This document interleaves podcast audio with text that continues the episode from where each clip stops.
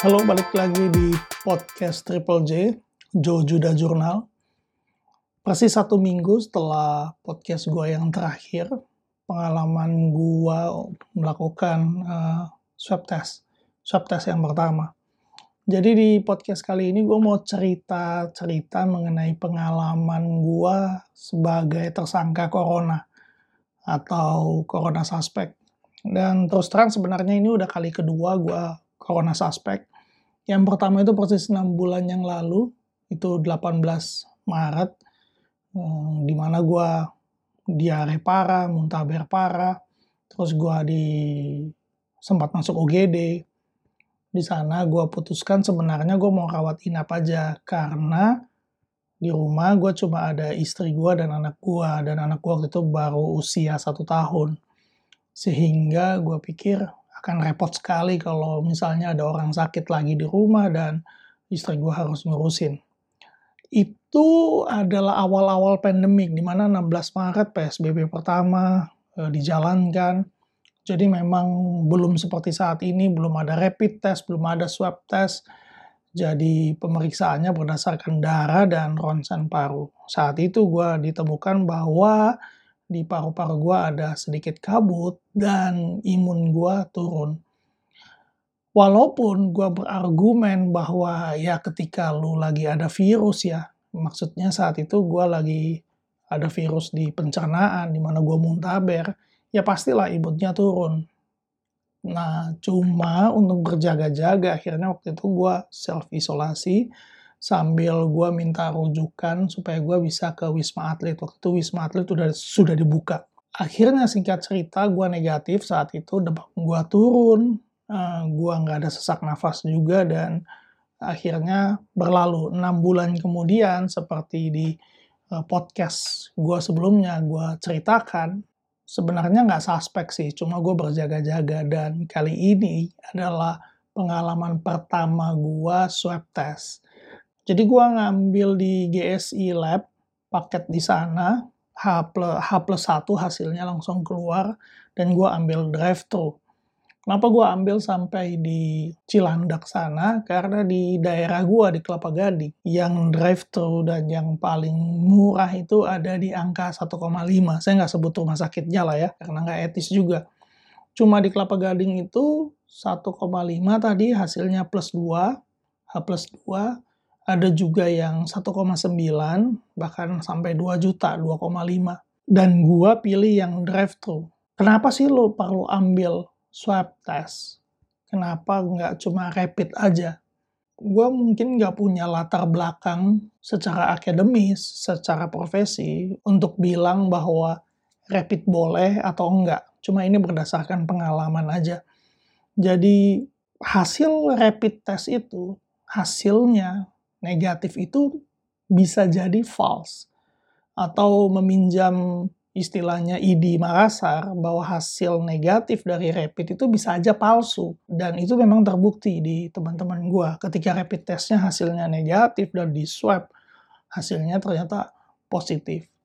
Jadi gua bisa bilang bahwa rapid test ini screening awal aja dan mungkin akurasinya 40%. Jadi memang saat ini swab test adalah uh, yang lebih akurat lah dibanding dengan rapid test. Pertanyaannya kapan sih sebenarnya lu perlu ngambil swab test? Pertama ya, kalau dalam 14 hari terakhir lu ada bertemu, bersinggungan dengan orang yang positif corona. Mau nggak mau lu harus ambil swab test. Yang kedua adalah kalau profesi lu, pekerjaan lu, atau apa pun yang lu lakukan menuntut lu untuk berada di area publik. Entah itu di studio musik, entah itu di studio TV, entah itu mungkin di pasar.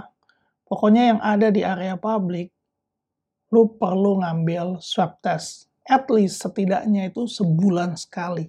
Kenapa? Karena ada OTG, orang tanpa gejala, dan saat ini 60% yang penderita COVID ini adalah OTG orang tanpa gejala atau dengan gejala ringan. Dan sekali lagi ini gue nggak ngambil katanya-katanya, tapi gue lihat dari pengalaman teman-teman gue yang positif adalah orang-orang yang OTG tanpa gejala, sehat banget, malah nggak ada sesak nafas. Bahkan ada yang nggak ada riwayat demamnya sama sekali. Orang-orang ini, kalau bukan karena tadi ya ada satu yang positif, dia pikir dia sehat dan dia keliling ke mana-mana, nah ini yang menyebarkan ke mana-mana virusnya akhirnya. Jadi kalau lu sehat, ya belum tentu juga lu nggak bawa virus, siapa tahu lu pembawa virusnya. Itu hal yang pertama ya, lu perlu ambil swab test kalau kondisinya seperti yang tadi. Dan itu nggak cuma buat menolong diri lu sendiri untuk mengetahui kondisi kesehatan lu, tapi itu bisa menolong orang lain. Lebih banyak orang lagi yang lu bisa hindari kalau lu tahu lu itu positif atau negatif. Jadi please ambil swab kalau kondisinya dua yang tadi. Uh, jangan rapid. Kemudian hal kedua, di tengah gue menunggu swab test, menunggu hasil swab test, karena gue melakukan karantina mandiri ya. Sebelum gue melakukan swab test, sampai gue sambil gue menunggu swab test, itu gue jauh dari anak istri gue. Dari sana ada dua jenis orang yang akan kelihatan. Yang pertama ini adalah orang-orang yang menghubungi lo dan yang mengungkapkan simpatinya terhadap lo. Tapi ada tipe yang kedua nih, yang begitu tahu lo positif, adalah yang langsung menghubungi lo dan maki-maki lo. Ngomelin lo dan nyalahin lo. Tipe yang kedua ini adalah tipe yang lo dalam 14 hari pasti ketemui dia. Tipe pertama ini dia bisa angkat telepon bersimpati sama lo karena dia nggak ketemu lo dalam 14 hari terakhir. Nah ini yang menjawab pertanyaan gue sebenarnya kenapa sih para pasien-pasien atau orang-orang yang positif COVID ini cenderung untuk diam, cenderung untuk nggak ngomong. Karena kalau ketakutannya adalah dikucilkan, ya pada saat ini kan memang PSBB, apalagi masuk PSBB jilid kedua, lu pasti work from home. Dan ketika lu dikucilkan dari sekeliling lu, saat ini orang nggak peduli.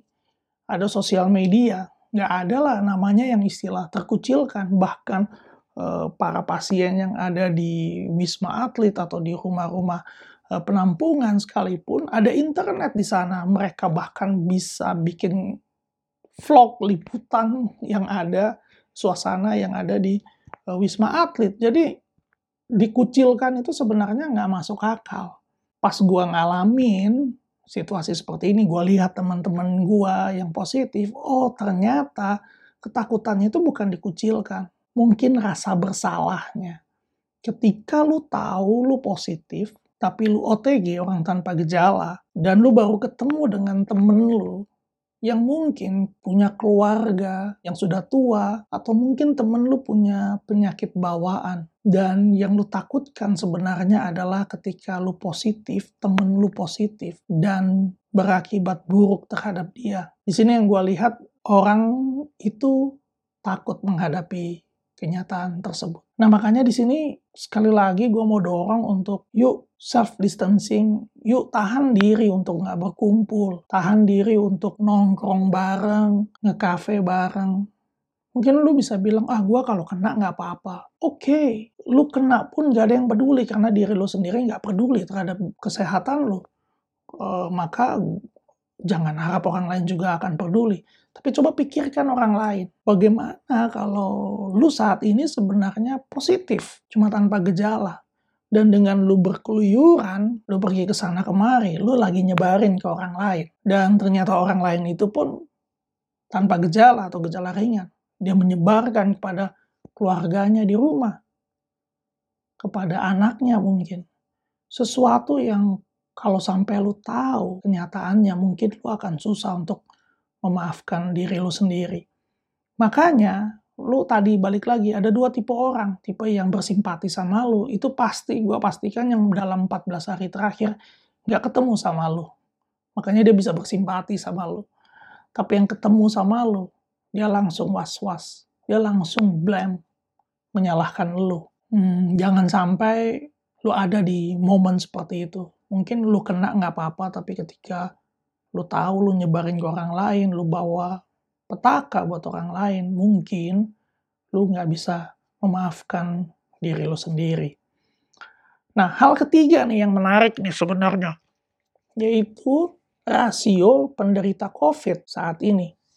Jadi, waktu gue melakukan tes, pada saat itu rasio kasus aktif di Jakarta dengan jumlah penduduk itu satu banding 96. Artinya dari 196 ada satu yang positif. Selang dua minggu dari sana, nggak nyampe dua minggu lah ya, per hari ini uh, jumlah kasus di DKI Jakarta itu 71.339. Ini kalau dihitung ini satu banding 155. Artinya apa? Dari 150 orang ada satu yang positif. Kalau berdasarkan teorinya number-number, di mana satu orang itu bisa mempertahankan atau punya uh, inner circle itu di 150 orang. Maka dengan satu banding 155 di minggu-minggu ini, pasti lu mengalami pengalaman yang sama kayak gue. Kalau beberapa minggu yang lalu, bulan lalu kita dengarnya, oh iya temen dari temen gue kena COVID. Betul nggak? Orang tua dari temen gue kena COVID. Ring 2. Di minggu-minggu ini lo akan dengar temen gue kena COVID. Saudara gue kena COVID bahkan mungkin di dalam keluarga kalian sedang terkena COVID. Semakin hari semakin dekat dengan pertumbuhan penyebaran virus yang sama, bisa diprediksikan dalam 1-2 minggu ke depan, rasionya itu akan di 1 banding 50. Artinya dari 50 orang ada satu yang kena COVID. Kayak gue yang tinggal di apartemen, artinya dalam dua minggu lagi, di lantai yang sama, dengan gue ada satu yang kena COVID. Dalam RT kalian, RT teman-teman ada satu, tetangga kalian ada satu yang kena COVID. Dan makin hari itu makin dekat dengan pintu rumah kita. Orang-orang yang mengeluh mengenai PSBB jilid 2, kenapa dibatasi, eh, orang mulai menyalahkan gubernur. Gue nggak ingin bahas soal benar atau salah ya, keputusan-keputusan itu eh, gue nggak akan habiskan energi gue untuk ngebahas itu juga dan gue juga nggak akan habiskan waktu kalian untuk dengerin pembahasan mengenai itu menurut gue itu nggak uh, penting lah dalam situasi saat ini cuma orang-orang yang komplain mengenai covid ini gue jadi ingat seperti orang-orang yang komplain mengenai kemacetan di Jakarta orang-orang yang paling vokal komplain mengenai kemacetan di Jakarta adalah pengguna jalan Which is mereka lah sebenarnya penyebab kemacetan itu. Nah sama nih orang-orang yang komplain soal COVID dan penyebarannya itu sebenarnya orang-orang yang nyebarin yang bantu penyebaran COVID ini. Lalu mereka teriak mengenai PSBB, pembatasan, dan lain sebagainya. Padahal kita bisa sama-sama menahan laju peningkatan COVID ini dengan disiplin untuk yuk di rumah aja kalau nggak penting-penting banget. Yuk hindari keramaian. Namun sepertinya sekarang itu udah udah terlambat untuk mendorong supaya kita stay di rumah aja dengan melihat semakin kebalnya orang terhadap virus ini bukan kebal terhadap virusnya ya tapi kebal terhadap disiplin untuk self distancing untuk cuci tangan pakai masker Mungkin sudah waktunya kita berpikir untuk mitigasi. Bukan lagi berpikir mengenai jika lu kena virus corona atau jika anggota keluarga lu ada yang kena virus. Tapi mungkin lu sudah harus berpikir ketika lu kena virus. Not if, but when apa yang perlu lo lakukan, apa yang lo perlu persiapkan. Karena ketika lo baru mau mikirin langkah-langkahnya setelah lo kena, lo biasanya akan cenderung lebih panik. Belum lagi orang-orang di sekeliling lo akan panik.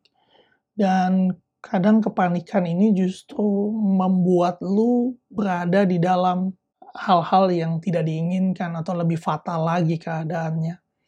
Jadi mungkin saat ini lu udah mesti pikirkan soal mitigasi ini. Bagaimana kalau lu kena, apa yang lu mesti lakukan? Bagaimana lu melakukannya? Bagaimana lu mempersiapkan keluarga lu? Karena mungkin lu sama kayak gua ada di usia produktif, karena usia 25 ya sampai 35 tahun sampai 40 tahun ya mungkin ya. Itu adalah usia-usia yang paling tinggi terkena COVID, tapi paling tinggi juga angka kesembuhannya. Mungkin lu bisa berpikir bahwa, wah kalau gua kena, ya gue pasti sembuh, amin. Tapi kerepotan yang disebabkan oleh virus ini, itu sama-sama bikin pusing juga. Gitu. Makanya uh, lu perlu untuk pikirkan mitigasi. Oke, okay, uh, eh, ini aja di podcast gua kali ini.